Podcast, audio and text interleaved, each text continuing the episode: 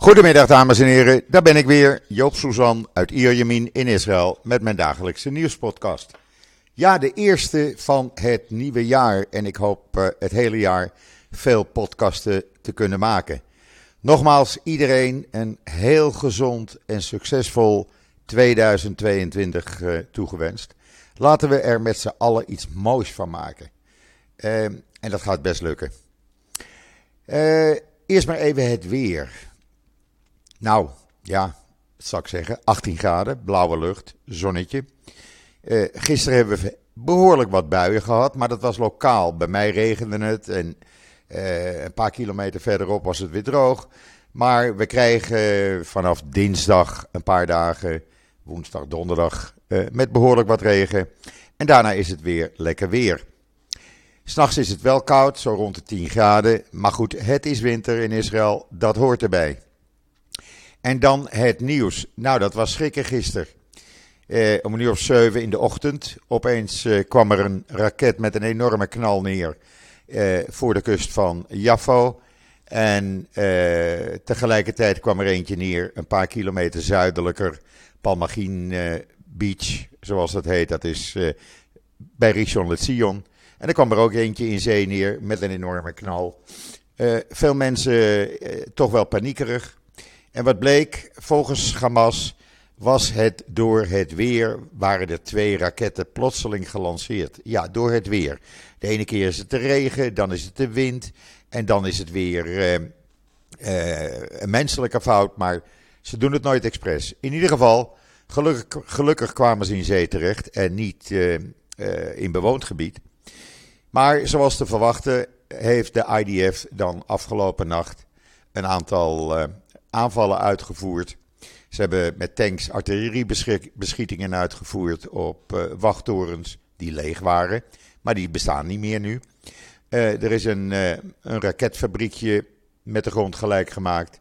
En er zijn wat militaire posten van Hamas aangevallen en vernietigd. Ehm, het is niet zo zoals in NuNL vanmorgen stond uh, dat Israël grootschalige aanvallen uitoefent op Gaza. Nee, het waren een paar aanvallen uh, met een paar uh, helikopters en een vliegtuig, meer niet.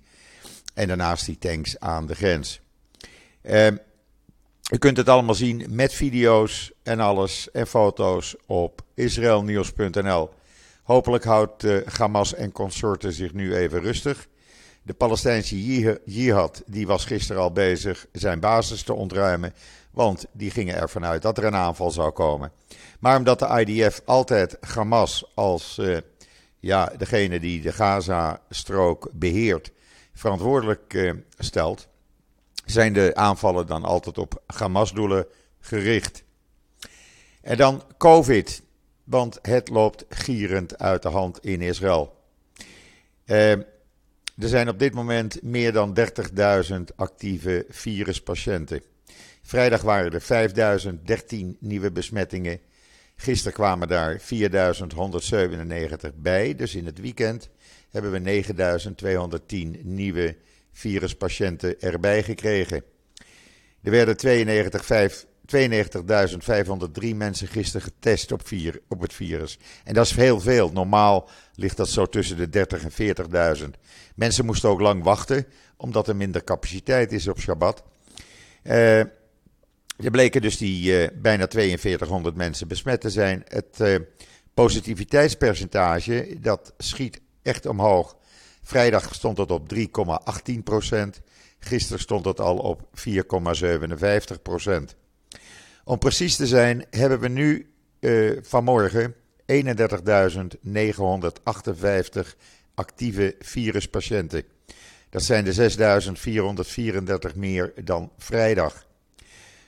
Uh, 34 zitten in een uh, quarantainehotel en er zijn er 200 in het ziekenhuis opgenomen. Stijging van 31. Van die 200 is 76% niet gevaccineerd en zijn voor het, merendeel jongeren. 110 uh, viruspatiënten zijn er ernstig aan toe. 45 zijn de kritiek, 37 van hen aangesloten aan de beademing. Er is één persoon overleden, waardoor het totaal aantal besmettingen nu op 8244 staat. Ja, en dan wat gaat er gebeuren? Nou, ze weten het hier eigenlijk ook niet meer.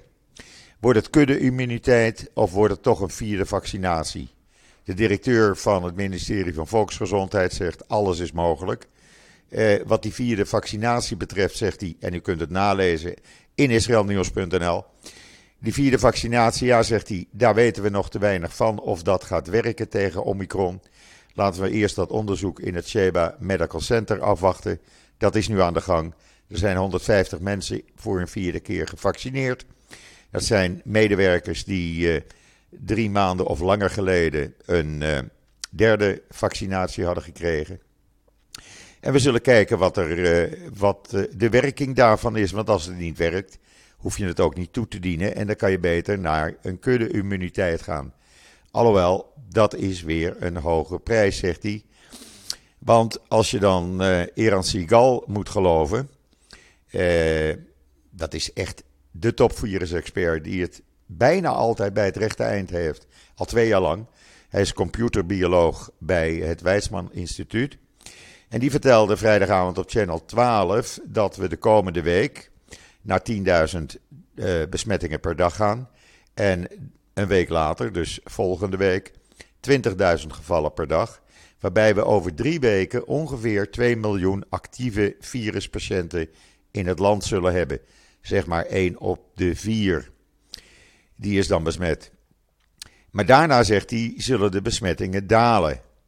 Eh, professor Ash zei eh, ervan uit te gaan dat we naar 1000 ernstig zieke patiënten zullen toegaan in de komende weken. Niemand die het weet, ook de coronavirus weet het niet. Want die zegt ja, afsluiten, het helpt allemaal niet meer. Gooi die grenzen nou maar open. Het virus is hier. Het zal niet meer weggaan.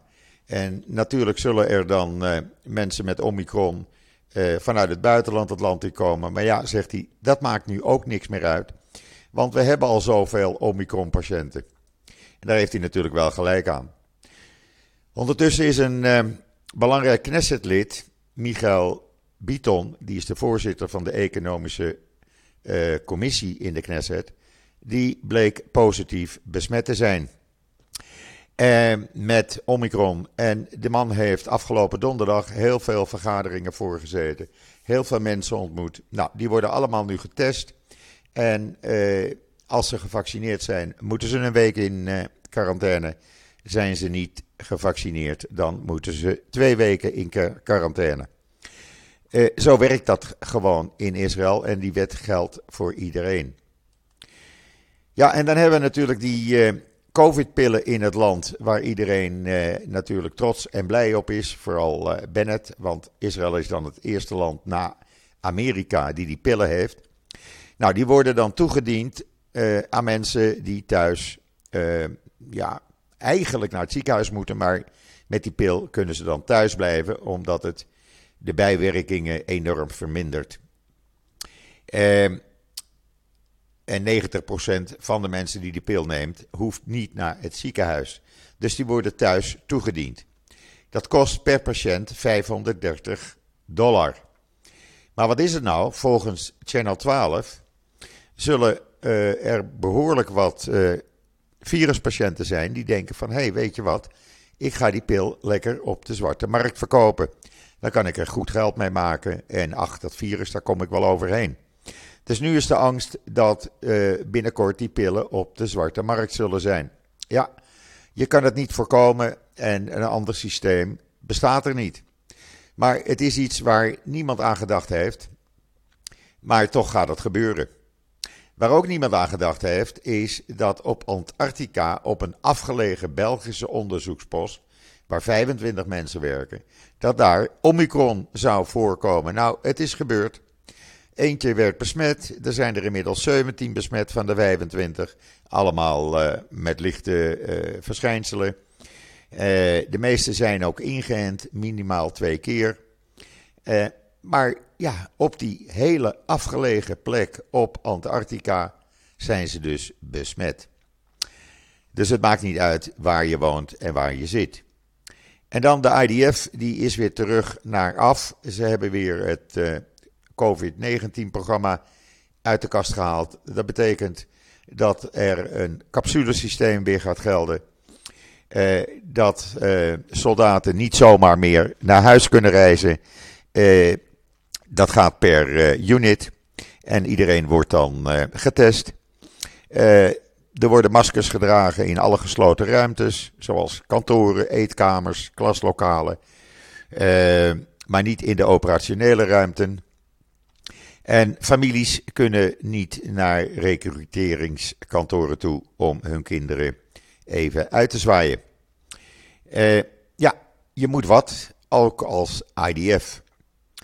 En dan, uh, ja, de Palestijnse TV, de officiële tv-zender van de Palestijnse autoriteit onder leiding van meneer Abbas had op 28 december een hele uh, tv-voorstelling, zullen we maar zeggen, tegen Israël. En daar las een jong meisje een gedicht voor.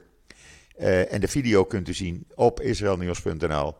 Om de schurken uit mijn land te verbannen en het te bevrijden van de Joden. Jeruzalem is verloren anders. Het is door onze grootste vijanden aan de plunderaars verkocht. Nou, en zo ging ze even door. U kunt het uh, videootje dus bekijken. De tekst heb ik er vertaald bij gedaan. En dan Lapid had uh, een leuke opmerking, vond ik wel. Die werd geïnterviewd omdat hij tien jaar in de politiek zit. Vrijdagavond door Channel 12 nieuws. En hij zei: Israël zal zich beschermen tegen Iran. En we hebben de capaciteiten waar, waarvan sommigen in de wereld en zelfs de beste experts in het veld zich niet eens kunnen voorstellen dat die bestaan en dat wij ze hebben. Nou, daar kan je het mee doen. Iran zou ik dan zeggen. Uh, hij voegde er ook nog aan toe dat Israël, indien het nodig zou zijn, Iran kan aanvallen zonder meneer Biden en zijn regering ervan op de hoogte te stellen. Ja, en dan was er vanmorgen iets uh, heel aparts in de Knesset. Sinds uh, kort moet je voor wegwerpbestek en plastic borden en dergelijke. Ja, daar is een extra belasting op gekomen, dus dat is wat duurder. De ultra-orthodoxe gemeenschap die gebruikt op Shabbat altijd wegwerpborden en wegwerpbestek en glazen. Want die hoef je dan niet af te wassen met je grote gezinnen. Dus toen kwam uh, meneer Meijer Porouche, hij was van de Verenigde Torah-partij. En die had wel een leuk idee. Hij zegt: als we nu alle gezinnen met vier kinderen en meer een gratis afwasmachine zouden geven, dan hebben we dat probleem opgelost. Dan hoeven ze niet meer zoveel geld aan wegwerpbestek uit te geven. Nou, dat ging natuurlijk niet door. Dat voorstel werd meteen weggestemd vanmorgen in de Knesset. En uh, Gideon Saar, minister van Justitie, die ook de voorzitter van die commissie was, die zei: uh, We kunnen die families wel steunen, maar dat gebeurt via de overheid en niet via een wetsvoorstel om ze allemaal uh, een gratis afwasmachine te geven. Ja, toen nou zegt, dan wil iedereen wel een gratis afwasmachine, want het geldt voor iedereen, ook mensen die een feestje hebben en wegwerkbestek gebruiken. Maar goed, er bestaat tegenwoordig ook houten bestek. Eh, dat is dan, eh, moet je dan wel schoonmaken. Maar ja, dat is dan een alternatief. Er was een vrijdag een schietpartij in de nacht van donderdag op vrijdag bij een nachtclub in Haifa. Twee mensen die werden niet toegelaten en die begonnen maar te schieten. En ja, eentje werd gewond, die is dus opgepakt. Maar de andere, hij werd gewond door de bewaker, want die schoot terug. En die andere die ging op de vlucht. En laten ze hem nou gisteren op het vliegveld gepakt hebben, Ben Gurion Airport, op het moment dat hij net in het vliegtuig zou stappen naar Turkije. Maar uh, ja, hij hangt en hij is gepakt en hij zit voorlopig even vast. En dan is er bonje binnen de Likud-partij van Netanyahu. En waarom is er bonje? Nou, uh, wat is er aan de hand? Uh, er zijn een aantal Likud-leden die zich verkiesbaar willen stellen als partijleider. Die zeggen: Netanyahu, jij hebt je tijd gehad, laat ons het maar doen. Dat is Jori Edelstein. En dat is bijvoorbeeld ook Nier Barkat. Nir Barkat is een multimiljonair die heeft zijn geld verdiend in de high-tech. En uh, ja, men vindt dat een beetje gevaarlijk, want zegt men, hij kan geld uitgeven zoveel hij wilt om uh, reclame voor hemzelf te maken. En dat gaan we even aan banden leggen middels een wetvoorstel in de Knesset. Misschien voelt de coalitie daar ook wel voor. En dan mag je niet meer dan 100.000 shekel uitgeven. Nou, Barkat is natuurlijk uh, pisnijdig hierover. Want die zegt, uh, wat is dit voor flauwekul? Uh, dat is tegen mij gericht, dat wetsvoorstel. Ik blijf strijden tegen Netanyahu. Ik vind dat Netanyahu nu op moet stappen. En wat jullie allemaal willen om mij tegen te werken, nou, je gaat je gang maar. Maar ik heb andere manieren om toch leider van de Likud-partij te worden. En mogelijk later dan premier. Want de een naar de ander loopt weg. En nu is er dus een grote bonje. Eh, nou, dat gaat dan fijn daar in die Likud-partij. Maar goed, ze zoeken dat maar uit. Ja, en dan is er een uh, Palestijnse terrorist, lid van de Islamic Jihad, die is in hongerstaking al 138 dagen. Ene meneer Gisham Abu Ghawash. En de Palestijnse Islamic Jihad die heeft gewaarschuwd de Israëlische regering. Als deze man overlijdt door zijn hongerstaking, dan zijn jullie moordenaars en dan zullen we jullie daarvoor aansprakelijk stellen. En dan zal je wel zien wat wij gaan doen. Ja, uh, blaffende honden bijten niets, zullen we maar zeggen. Ze hebben altijd een hele grote mond hoor. En dan, ja, in Libanon gaat het natuurlijk niet zo lekker. Eh, economische, grote economische problemen. Hezbollah die daar de boel eh, een beetje naar de hand probeert te zetten in opdracht van eh, Iran. En er zijn dus al meer dan 12.000, laten we zeggen, uh, gefortuneerde Libanezen die hebben gezegd: jongens, jullie bekijken het maar. Wij gaan naar Cyprus, daar is het ook lekker weer. En dan gaan we daar ons leven verder uh, voortzetten. En dat zijn er al meer dan 12.000. U hoort daar weinig van in Nederland waarschijnlijk. En uh, ja, die, er zullen er nog wel meer verdwijnen. Want ook duizenden leraren, artsen, verpleegkundigen. Die hebben in de afgelopen twee jaar al Libanon verlaten. En ja, steeds meer mensen zoeken een uitweg om het land te verlaten. En dat was er vanmorgen een opmerkelijk bericht hier in de Israëlische kranten. Want er is een nieuw boek uitgekomen. Uh, en uh, in dat boek, dat boek van Barak Ravid, Trumps Peace, Trumps Vrede.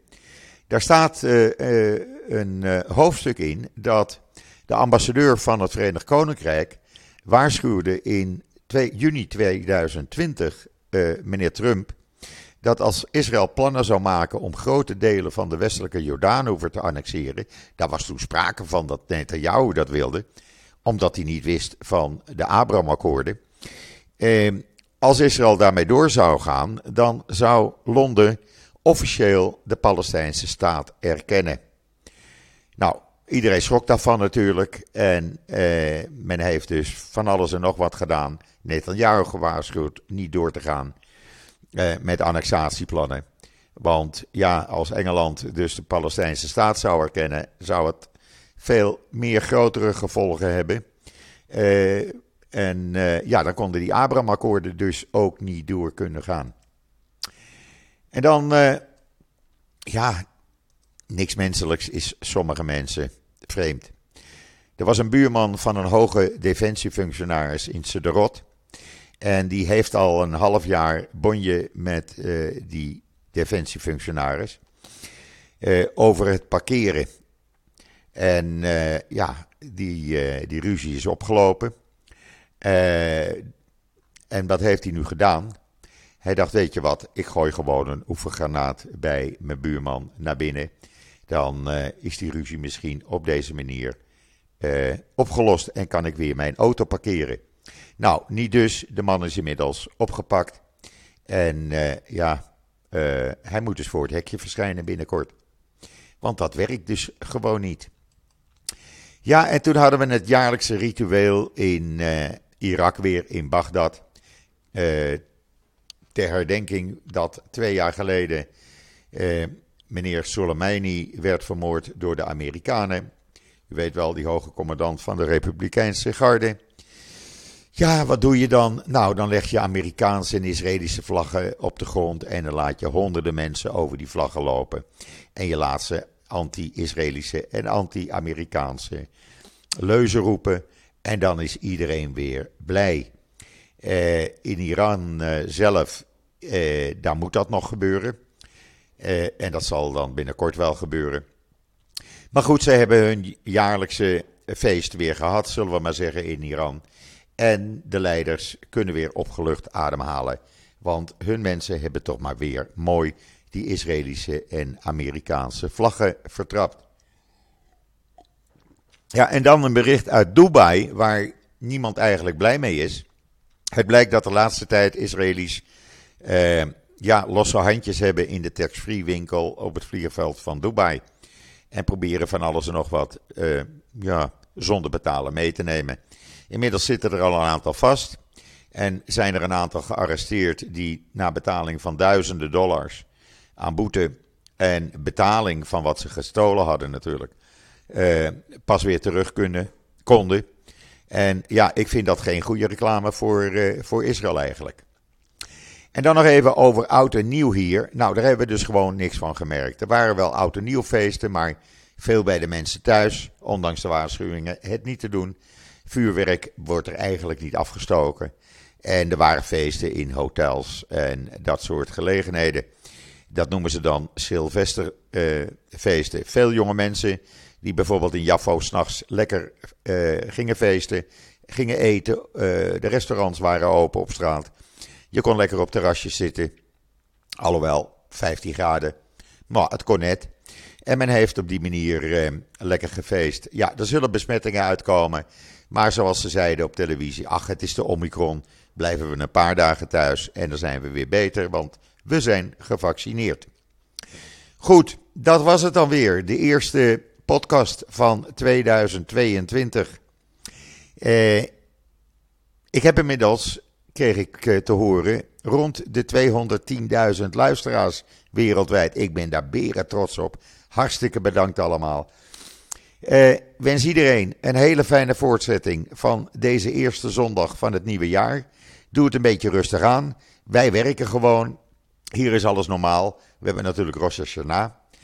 Ik ben er morgen weer en zeg zoals altijd: tot ziens. Tot morgen.